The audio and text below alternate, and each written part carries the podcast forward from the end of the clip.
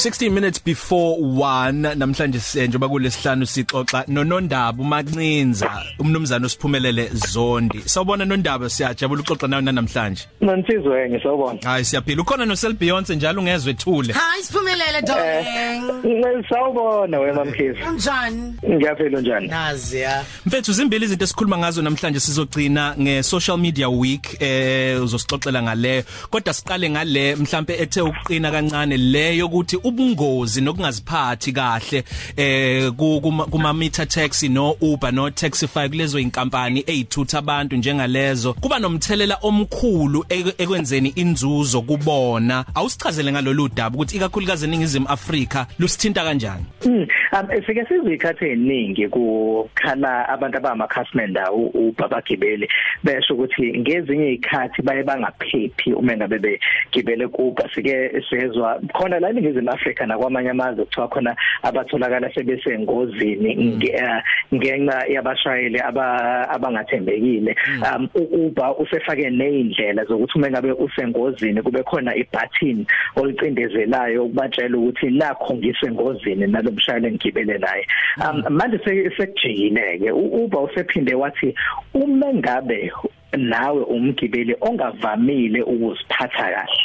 Mhm. sebe nezindlela zokuthi bagoshe ukuthi ungaphinde uvunyelwe ukuthi uh, ukwazi ukugibela izimoto zabo ukwazi ukuhamba nabashayeli babo.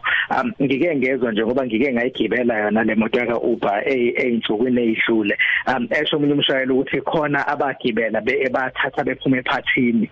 Um bafike badelela bangcolisa amasithi kwambize izinkulu imali ukuze imoto yakhe aphinda akwazi ukuyiklina ayilungise kahle ukuthi um ibe kahle. Hmm. um sebeyakwazi ke naba bashayeli ba Uber ukuthi bahambe bayotshela uUber ukuthi lo asamding ungathi useyinkinga. Uma ke mina njengomgibeli nginohlangothi lami mhlambe ngithi cha be akusiyona indlela achaza ngayo lo ongumshayeli osebenza kwa Uber noma kwa Taxify kwenziwa njani? Ngeke kube yicala okungadinga ukuthi inhlangothi zombili zizwakala angithike kukhona nalokho ukuthi um inhlangothi zombili zingaya phambili khona ka Uber ziyosho ukuthi naye inkinga njengamanje nje ukuthi uma ngabe ucancel uUber likhona ibutton khona lapho lokuchaza ukuthi ucancele oh. kwenze njani uUber um uma ngabe bebona ukuthi iphutha belingekho kuwena bese bezophenya ke basho ukuthi iphutha belingekho kuwena mhlambe beleka umshayeli bese beyakwazi ukuthi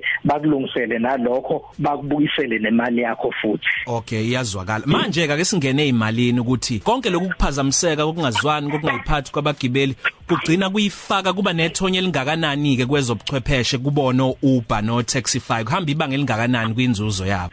Um into ekhona wena siya uh, ukuthole ukuthi baye bakhale even bona abashayeli baka Uber ukuthi ke kube khona isikhathi la bengeni khona imali ekumele ngabe bayayenza. Kodwa uh, okuvelayo ukuthi khona la eningizimu Afrika baningi abantu abagibela uUber kunamanye amazwe. Yize kube baningi abantu abaye bakhale ngabo ubungozi abangase bakuthole uma ngabe begibele izimoto zaka Uber um siyasizwe lezo zinto ukuthi bathiwa ngathi uUber la eningizimu Afrika egoli kakhulukazi baningi ukudlula amazwe aphesheya kwelwandle.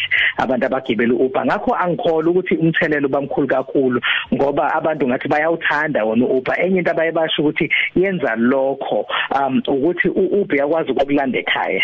Um awudingi ukungena ku internet yobheka inamba ongazazi iapplication nje ofakayo imoto uyayazi ibhaliwe um indlela zokuphepha nalezo ukuthi uyayazi imoto ogibela kuyona uUber uyayazi. Mawubona inumber plate uyazi ukuthi nayi number plate yemoto ukubhala uhlobo lwemoto nalo uhlobo lwemoto selume laphambi kwami.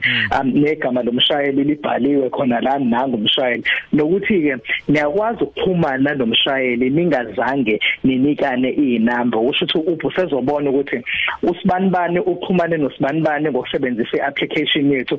Ngakho ke ukusho ukuthi usibanibani uhambe nosibanibani ukuthi makukhona okwenzekayo kuyena umshayeli noma kukhona okwenzekayo kuyena umgibeli. Kuyazi ukuthi kwakhathwe bani kwahanjwa nobani ethathwe phi kuthiwa kiwaphi Siphume ke ku Uber siphumelele singene kwinto esivisane yathatha umhlaba wonke. Wonke umhlaba wayithanda wangena kuyona njalo njalo. Sikhuluma nge social media. Siyazi ukuthi kune social media week enzakala eThekwini kuleli sonto. Siyazi ke ukuthi social media week into enkulu eyenzakala futhi eMumbai kuyinto enkulu eMumbai se London New York se Lagos njalo njalo. Kanti yokuqala le yenzeka eSouth Africa and yenzeka eThekwini. Mm. Social media week Durban khona ngesonto elizayo. Iqala kulesine izizo izoziphele kuumgqibelo um ngesonto elizayo. So ikhuluma ezihlukahlukene um ezivela endaweni kumazwe ahlukahlukene kulona lelizwekazi laseAfrika. Ezobe sikhuluma ngendlela ezihlukene ezokusebenzisa izinkundla lezi sesiyisebenzisa zokuxhumana. Ngesonto edlule nje sike sakhuluma um ngamazwe afike ayivala izinkundla zokuxhumana uma ngabe kunezikhathi zokhetho. Sikhuluma nje njengamanje sizwile ukuthi izwe laseSudan liuvalile usocial media njengoba kunembhekisho eyenzekayo khona futhi abantu bethu bafuna uhulumeni wentando yeningi bakhathele ukuphathwa amasosha lawa athatha ngesikhathi kuphuma Omar al-Bashir. Bathi ke khona nendlela zikaqedisa isizungu abanye abayisebenzile abawusebenzisele u-social media for zona. And enye into eyibe khona siyazi ukuthi khona nabantu abasebenza abenza amabhizinisi ukuthi mawune business uyakwazi ukuthi ibusiness lakho lifake ku social media izobe khulunywa zona lezo zinto ezihlukahlukene ngazi izinkundla zokuxhumana ukuthi sesihambe zezafika ngoba uyakhumbula ukuthi ngekhathi ezidlule kwakuyindawo yokugcebelela nje kuphela. Ukutshela abantu ukuthi mina ngisebumnandini nakho esikudlayo kulobumnandi esikhona nakhe sikugqokile kodwa manje sekuze kwahamba kwaze kwafika ukuthi izinkundla zokuxhumana kusezona ezokungcebeleka nje kuphela. Sekuyenza amabhizinisi. Yeah. Siyalibona kodwa isasasa liqhubeka liba khona kuyona i social media week i mean yokuqala yenzeke eSouth Africa yokuqala nje obiyenzeka futhi eDurban. Ulibona ibona uyibona kanjani ikusasa layo? Hayi dumileke yona social media week emazweni aphesheya njengoba sewushilo nje ukuthi khona eNew York ekuyila yaqala khona eNew York kwaba khona eyase London um ubalile nomumbai. Idumileke emazweni aphesheya njengoba size eyahamba yaze yafika khona la eThekwini ukuthi le yaseThekwini kuzoba yona kuphela eningizimu Africa social media week Durban ezoba khona.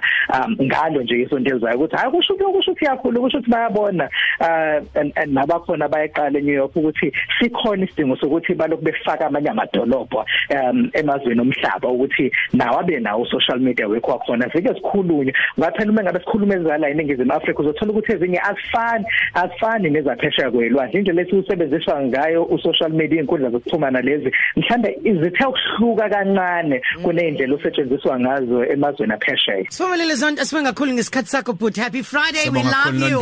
all right ngibonge siyana Sophia. Swiri 12 kuya ku 3 no Siyano so Beyonce ku Khosi FM